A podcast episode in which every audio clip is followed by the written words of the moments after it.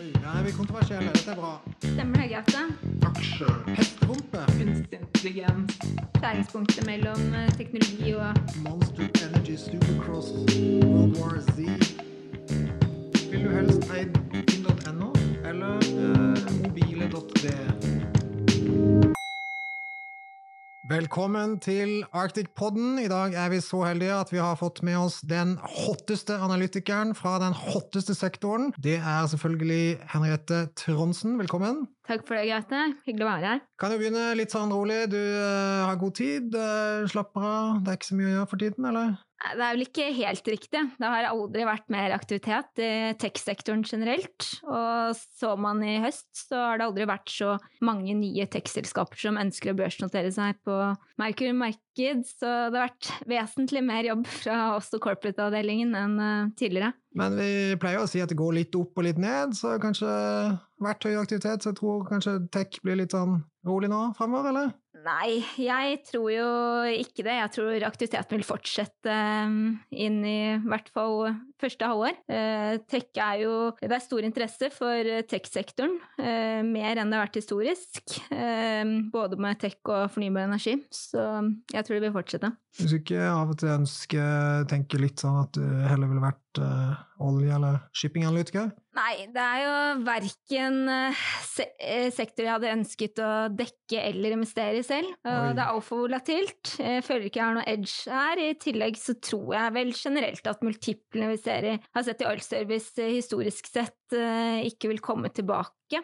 Oi, ja, er vi kontroversielle? Dette er bra. Vi eh, tar et lite steg tilbake, Henriette. Du gikk jo som meg på Handelshøyskolen. En eh, veldig god skole, men eh, det var ikke så mye fokus på programmering og Nei, lærte du å kode der? Uh, nei, uh, det kan jeg ikke skryte på meg. Uh, men jeg tror jeg ville valgt NHH igjen. Og så jeg tror man lærer kontinuerlig også etter studiet, og lurer jeg på noe i sektoren, så sjekker jeg opp med andre i bransjen, så det har ikke vært noe stort problem. Men du har lært deg litt uh, programmering. Har du, det er litt rykter i markedet om at du har lagd en egen app? Vel, jeg kan vel ikke akkurat skryte på meg det, men det stemmer det, Gaute. Jeg lagde en eh, mobilapp en gang, en kopi av Snapchat-kartet for de som kjenner det, uten noe veldig stor suksess. Eh, Den funket med bare noen få brukere, og kun på nye telefoner. Den er ikke i AppStore i dag. Nei, Det er likevel imponerende. Jeg har jo ikke lagd noen app selv, men eh, vi lager jo nå en podkast.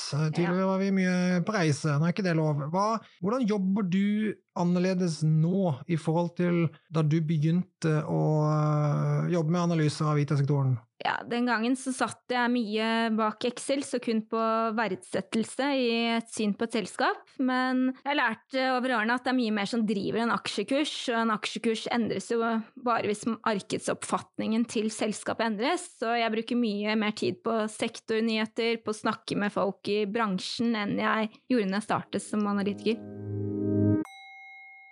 Hva er Glassdoor? Nei, eh, det er en side hvor eh, de ansatte rater bedriftene de jobber i. Um, Men man skal ta det med en klype salt. F.eks. Ansatte som får sparken, de legger jo ikke igjen den mest eh, positive ratingen. Det er en side som jeg sjekker innimellom på tekstselskapene jeg følger. Ja, jeg hørte nemlig fra en kunde at uh, du hadde brukt det som et uh, verktøy i uh, å vurdere attraktiviteten til et selskap. Og det var jo et selskap som jeg, eller en side da, som jeg ikke hadde hørt om engang. Så Ok, eh, Ja. har du andre sånne mm, kilder som du Kanskje ikke de mest hemmelige, men noen du kan røpe her på Arctic-podden som eh, l- annerledes kilde for informasjon? Jeg bruker alt fra Twitter til ulike tech-blogger, tech-sider. Eh, stor bredde i det eh, når jeg da snakker med selskapene. Og så, som nevnt så bruker jeg også mye tid på å snakke med folk i bransjen. Vi var litt innom ordet verdsettelse, og eh, det er jo litt populært for tiden i 2021 å snakke om eh, IT-boble og tendenser til eh, overvurdering av eh, enkelte IT-aksjer. Så jeg tenkte at eh, jeg skulle lese et lite sitat. Eh, det er opprinnelig på engelsk, men vi har brukt Google Translate. Um, og det er jo et sitat fra en eh, tidligere sjef i Sun Microsystems. Jeg tror de drev med både hardware og software. Og han sa jo da etter dotcom-crashen så uttalte han da om sine tidligere aksjonærer, så sier han at hva var det dere tenkte på? Når dere betalte uh, ti ganger salg uh, for å gi dere tilbake en tiårig tilbakebetaling, må jeg betale 100% av inntektene i ti år i utbytte. Og det forutsetter at jeg får lov til det av aksjonærene mine. Det forutsetter at jeg får null kostnad for mine solgte varer, noe som er veldig vanskelig for et hardware-dataselskap. Det forutsetter null utgifter. Det forutsetter ikke skatt. Og det fortsetter at eh, jeg ikke bruker noe på FoU. Forstår du hvor latterlige disse grunnleggende antakelsene er? Du trenger ingen gjennomsiktighet, du trenger ingen fotnoter. Hva var det du tenkte på? Morsomt sitat. Um, ja. Tror du vi får den type sitat fra noen uh, ja, norske eller uh, noen av nåtidens IT-aksjer, tror du noen av disse aksjonærene kommer til å høre det samme om noen år? Hva var det dere tenkte? Nei, Det er jo veldig stor spredning med de ulike segmentene i IT-sektoren. Så det er jo noen segmenter som er dyrt priset, mens andre har større oppside. Og sammenlignet med 2001, som du nevnte, så er det jo mer støtte fundamentalt med at prisingen er for målbart i dagens inntekter eller driftsresultat. Eh, enkelte segmenter, som f.eks.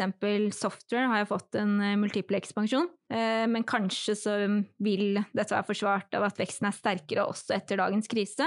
Og jeg tror jo at dagens krise har akselerert digitaliseringsprosessen.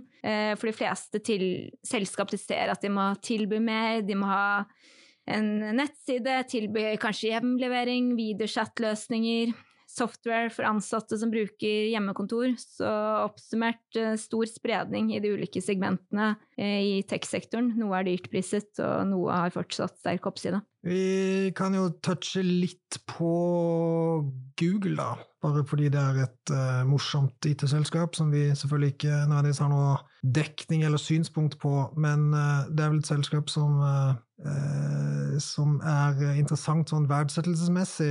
hvem var det som kalte seg selv for en hesterumpe i forbindelse med Google? Ja, det var, var vel Warren Buffett Eh, Gaute, fordi han ikke da hadde investert i Google, hvis ikke jeg er helt feil? Ja, det var det. Eh, jeg tror han har vel sagt at det er den eh, største tabben han har gjort. Og det, er jo den null marginalkost som gjør at EV Sales Multiple er jo selvfølgelig, kan jo være veldig relevant for et selskap med null marginalkost, mens, mens det er jo selvfølgelig veldig irrelevant for et selskap med høy marginalkost. Men uh, det viktigste er vel også vekst, og det må vi jo komme litt inn på her. Fordi uh, ja, Google Vi så litt på uh, selskapet før sending, og det er jo et, et selskap som f.eks. hadde 75 milliarder dollar i salg i, for fem-seks år siden, og ja, nå er jo salget 180 milliarder dollar. Så det er klart at du kan regne baklengs, så ja, du sover litt på det. Men er det, er, det, er, det, er det dyrt eller billig i dag? Sånn tommelfinger? Uh, nei, uh, jeg tror det selskapet har mer uh, oppside.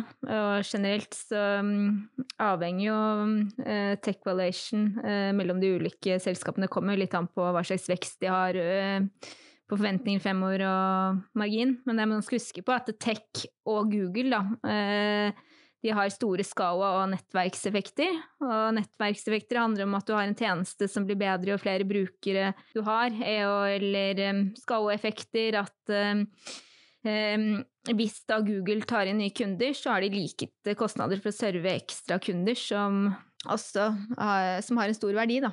Uh, så jeg som nevnt, fortsatt oppsida. Ja, vi gir jo ikke noen anbefalinger selvfølgelig i denne, i denne, i denne podkasten her, men vi, vi, eh, så jo litt på det i forbindelse med denne overordnede frykten for uh, overvurdering, og så vel at uh, Google handler på ca. 20 ganger cashflow, og sammenlignet med f.eks. boligpriser, så er det ting som uh, man kan absolutt se kan gå både opp og litt ned. Ja, det, er, det er sant, det. Så selv om sektoren vil være en strukturell vinner, tror jeg, fremover, så vil jo kun enkeltaksjer drive den meravkastningen. Og man vil jo se en større spredning mellom selskap fremover. Når du, Henriette, ikke analyserer aksjer, er du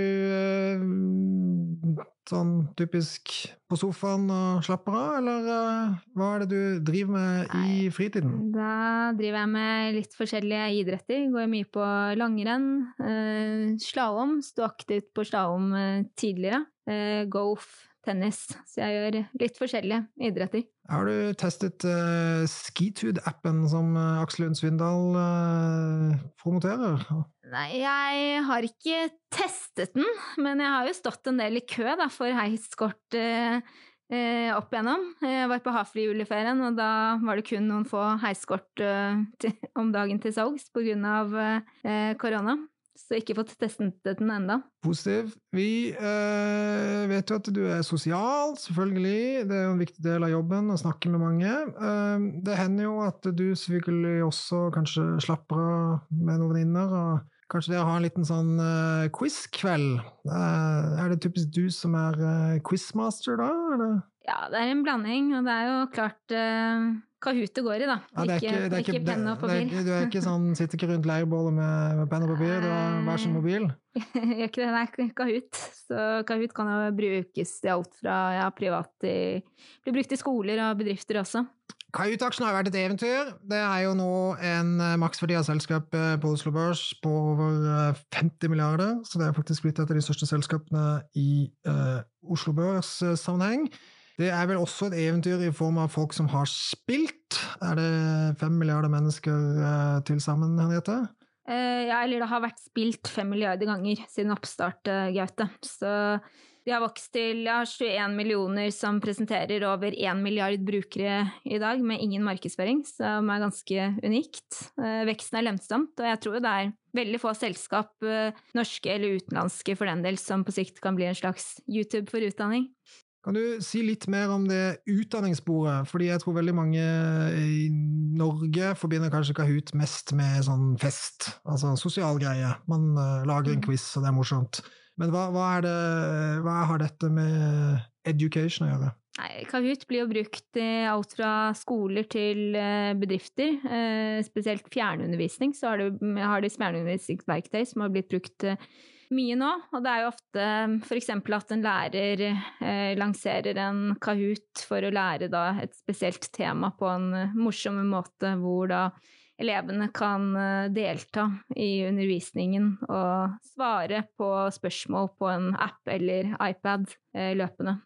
Eh, så det er et eh, område, eh, men det blir også brukt i bedrifter med alt fra opplæring av nye ansatte, compliance-læring osv. Så, videre. så stort uh, spennområde. Tror du at Kahoot er det mest kjente produktet fra Norge siden ostehøvelen? Ja, det er uh, kjent globalt, og spesielt i USA. Kanskje større enn ostehøvelen? Større enn Ostehøvel? Ostehøvelen, ja.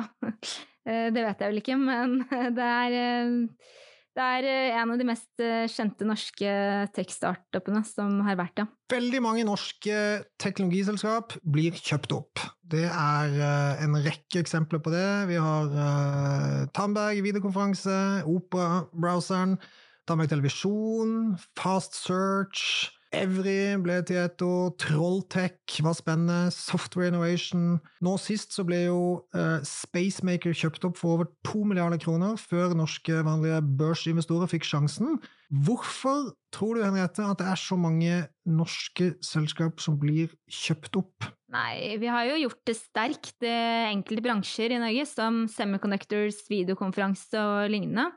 Og så tror jeg ikke vi har så mange av de største spillerne som får mer markedsmakt, slik at de kan styrke porteføljen med oppkjøp av nye tech-selskap. Så dessverre så forsvinner jo eh, tech-selskap eh, i Norge ofte for tidlig. Eh, men så vi, begynner vi også å få noen store globale tech-selskap, som f.eks. Adevinta, som annonserte at de kjøpte eBay Classifieds nå i sommer. Tror du at Telenor, eller det gode gamle Televerket, er det største selskapet målt i maksverdi du dekker om fem år, eller tror du at det kan være et annet selskap? Jeg tror jo Telenor har mer oppside enn de har i dag, men eh, Adevinta kanskje. Eh, omtrent doblet i størrelse etter oppkjøpet av eBay Classified, som er forventet å bli gjennomført nå i første halvår. Det er jo en uh, interessant situasjon. Tror du at Adevinta er underkommunisert. Altså at mange i Norge ikke vet hvor stort det selskapet er. Det er jo en markedsverdi i dag på ca. 90 milliarder, men som du sier, så blir det jo 160 milliarder etter at de da trykker aksjer og, og får inn eBay på eiersiden og kjøper opp uh, eBay uh, Classifieds. Er dette en, en litt ukjent historie, opplever du? Eh, ja, jeg tror det er eh, litt ukjent, eller en del som ikke har fått med seg hvor stort selskapet faktisk blir eh, etter de kjøper opp eBay Classifieds. Det gjør at de kanskje kommer inn i noen nye indekser også. Og blir jo det største globale online classified-selskapet som vi har. Ville du helst eid På Online Classifieds er jo finn.no-sider Ja, det var det jeg skulle komme til. Vil, vil du helst eid finn.no eller uh, mobile.de? Da ville jeg valgt uh, mobile.de. Uh, mobile.de det er finn.no-siden i Tyskland. De er store på bil og blir brukt egentlig ikke kun i Tyskland. så mer verdifullt enn da Finn. Vi... Og er en av selskapene som hadde vint, en av sidene som hadde Vinta får gjennom oppkjøpet av eBay Classified. Du nevnte så vidt uh, semiconductor i stad. Det er jo altså halvledere, eller uh, mikrochips, da, eventuelt. Ja. Og det nevnte du som en, uh, som en sånn subsektor uh, som du dekker. Og der er det vel egentlig bare ett selskap uh, i Norge? Stemmer det. Nordic Semiconductor. Og det er vel også en aksje som fra tid til annen fremstår eller blir diskutert, om den er uh, dyr eller billig. Og det, det, er jo et eventyr av en performance der også. Den er der opp over 500 de siste ti år. Men det er jo ikke nødvendigvis helt ublu sammenlignet med andre semiconductor-selskaper. Nei, eh, semiconductor-indeksen over den samme perioden har jo faktisk gjort det sterkere eh, enn Nordic har gjort det. Så Nordic er jo posisjonert innen, for de som ikke kjenner det, innenfor Internet of Things. Så det vil si at det vil være en chip i det meste du ser på i fremtiden. Kanskje er det med bare brødresteren din som ikke vil ha en chip i seg. Uh, og jeg tror, venter fortsatt sterk inntektsvekst uh, nå i år, drevet av en sterk ordrebok og større bidrag fra store kunder, det man kaller tier 1-kunder. Eh, så de har da chip i, med kort rekkevidde, som det er en sterk posisjon på. Og i tillegg så burde bidrag fra den nye cellular-chipen, som er med lengre rekkevidde, gradvis reflekteres i aksjekursen gjennom uh, året. Uh, og jeg tror flere produkter vil kombinere chip med kort rekkevidde, og Nod tilbyr hele spekteret, som gjør at de har en unik posisjon her. Hva med Crayon? Crayon er et annet selskap som du dekker. Eh, også da, i likhet med de fleste kan man si, IT-selskaper, gjort eh, veldig sterkt, eh, særlig på børs i 2020. Og eh, det som mange lurer på, det er hva, hva er det egentlig Crayon eh, driver med? Nei, altså Crane er jo posisjonert innenfor uh, den sterke veksten vi har i software og skiløsninger. Og har de, har de selger, selger, selger, de egen software? Uh, nei, de videreselger software fra andre, men det som skiller fra, eller skiller de fra andre konkurrenter som uh, kun selger videreselger software, er at de tilbyr å gå gjennom IT-stacken til kunden for å kutte, og kutter kostnader, før de deretter selger eh, andre software og skyløsninger. Eh, mesteparten av dagens kurs, rundt 80 kroner ifølge vårt kursmål er eh, Norden.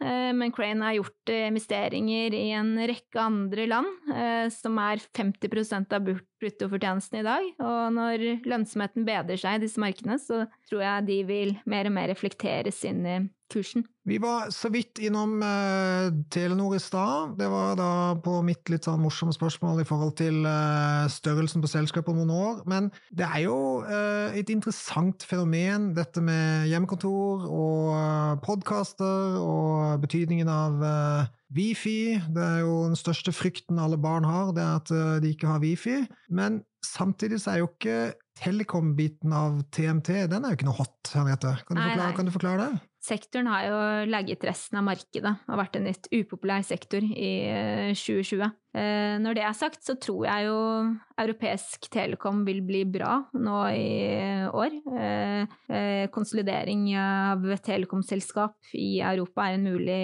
trigger, og hvorfor er det mer sannsynlig nå? er det mange som spør seg, og det er fordi EU-domstolen eh, e annullerte et vedtak om å stoppe sammenslåingen av to eh, telekomselskap, O2 og 3, i Storbritannia i 2020. Så i tillegg så er eh, prisingen på Telekom-indeksen attraktiv eh, sammenlignet med resten av markedet. Men Telenor er jo ikke noe oppkjøpskandidat. Nei, men uh, jeg hadde ikke blitt overrasket om uh, de gjør oppkjøp, enten da i Sverige uh, eller at det skjer noe i Asia. De hadde jo en deal med Axiata en stund tilbake som ikke ble noe av. Og det hadde ikke vært umulig, tror jeg, at de hadde prøvd på noe lignende. Det er jo en potensiell opsjon da, for Telenor. Veldig spennende. Vi uh, går litt videre. Er det noen selskaper på uh, som ikke er på Oslo Børs? Er det noen du drømmer om, som du tenker at uh, noen selskaper skulle vært veldig veldig artig å få lov til å analysere og fått lov til å anbefale overfor dine kunder å investere i? Ja, det er jo flere selskap, men eksempel Akers Cognite er jo interessant. Skjæringspunktet mellom teknologi og industri. Ellers så har man jo nye mindre selskap som for eksempel Novelda, da, som har en interessant posisjon innen radarteknologi. Det er spennende. Og Ja. uh, hva med dataspill? Er det noe du har tid til å drive med privat? Tviler du på det? Jeg, er jo ikke eh, Nei, jeg spiller ikke så mye dataspill. Men skulle du ønske at vi hadde noen dataspillaktører børsnotert i Oslo? Det er jo blitt en egen subgruppe i Sverige, blant annet, med store selskaper, Embracer og Stillfront osv. Men, men, men tror du noen kan komme tilbake? Funcom var jo en eh, sånn middels eh, vellykket greie. Tror du det kan komme noen nye norske dataspillselskaper på, eh, på Merkur? Ja, man skal jo ikke se bort ifra det. Eh, Det er stadig nye tech-selskap som noteres, så det er jo en bransje som eh, eh, i hvert fall i eh, Sverige eh, har blitt relativt stor. Kanskje norske investorer også burde sette seg litt bedre inn i Dead Island, Monster Energy Supercross, World War Z og litt mindre tid på aluminium og olje, siden Embracer har større maksverdi enn Norsk Hydro og Aker BP. Er kanskje en litt mer fremtidsrettet sektor, ja. Vi tar og uh, tenker litt på fremtiden igjen. Uh, du dekker jo teknologi. Er du redd av og til at det er ny kunstig intelligens-type teknologi som vil ta fra deg jobben? At du ikke trengs lenger? At man ikke trenger uh, aksjeanalytikere? Nei, altså Er det en av oss som ryker, Gaute, så er jeg litt redd at meglerne ryker først. Det er godt, det er godt at jeg, det er godt mer, jeg har blitt podkastvert, mine gamle dager. Ja, hellegitimisert, men Nei, men jeg tror jo fortsatt man vil trenge analytikere, da. Eh, Og at eh, man vil jobbe litt annerledes, kanskje. Man vil ta, bruk, ta i bruk eh, kunstig intelligens for å komme frem til bedre løsninger. Og det er jo flere investorer globalt som tar i bruk data for beslutninger. Enkelte bruker jo f.eks. satellitter for å se hvor mange biler er det foran et kjøpesenter for å finne ut hvilke selskap skal de investere i. Og det tror jeg blir, vil bli mer og mer brukt fremover. Det er fortsatt sånn at vi mennesker er ganske gode til å snakke med mennesker, og så får vi la datamaskinene holder på med det de er gode på. Eh, apropos mennesker, da. Syns du det er blitt uh, litt for mange kvinner i finansbransjen? Nei, det tror jeg ikke det er noen som eh, kunne sagt. Det er jo et ganske mannsdominert miljø, og historisk sett så er jo har jo interessen for aksjer eh, vært eh, størst hos menn, i hvert fall opplever jeg. Eh, men likevel så opplever jeg at denne interessen er eh, stigende blant flere kvinner. Og så er det jo en del kvinner som frykter arbeidsmengden, og derfor velger eh, andre eh, bransjer. Eh, nå har vi jo en rekke flinke kvinner i bransjen, som viseadministrerende i Arctic Hege. Eh, du har også flere kvinnelige forvaltere med bra track record, som Pernille Skarstein og Alexander Morris, for å nevne noen. Eh, men til slutt så mener jeg at det er ikke det viktigste hvilket kjønn du er, men er du interessert og god nok i det du holder på med, så får du jobb i sektoren. Og jeg mener også at de flinkeste skal ansettes uavhengig av kjønn, uavhengig om du er jente eller gutt. Da tror jeg vi sier at uh, vi håper at det blir uh, beslutninger om kjønn, og ikke om du er en datamaskin som tar meglerjobben fra stakkars Gaute i fremtiden. Og så takker vi Henriette Trondsen for dagens episode. Ja, takk for det. Denne podcasten og dets innhold skal anses som markedsføringsmateriell fra Arctic og må ikke oppfattes som investeringsanbefaling eller som investeringsanalyse. Innholdet i podcasten skal ikke anses for å være investeringsrådgivning tilpasset den enkelte kundes behov. Informasjonen og uttalelser fra Arctics ansatte og gjester som gis i podcasten er ikke ment å utgjøre finansiell rådgivning. Innholdet i podkasten er ikke gjennomgått eller godkjent av Arctics avdeling for analyse. Arctic, ansatte og kunder kan ha posisjoner i finansielle instrumenter som omtales i podkasten. Arctic er ikke ansvarlig for hvordan informasjonen i podkasten benyttes eller tolkes. Arctic minner om at enhver investering i et finansielt instrument er forbundet med risiko for økonomisk tap.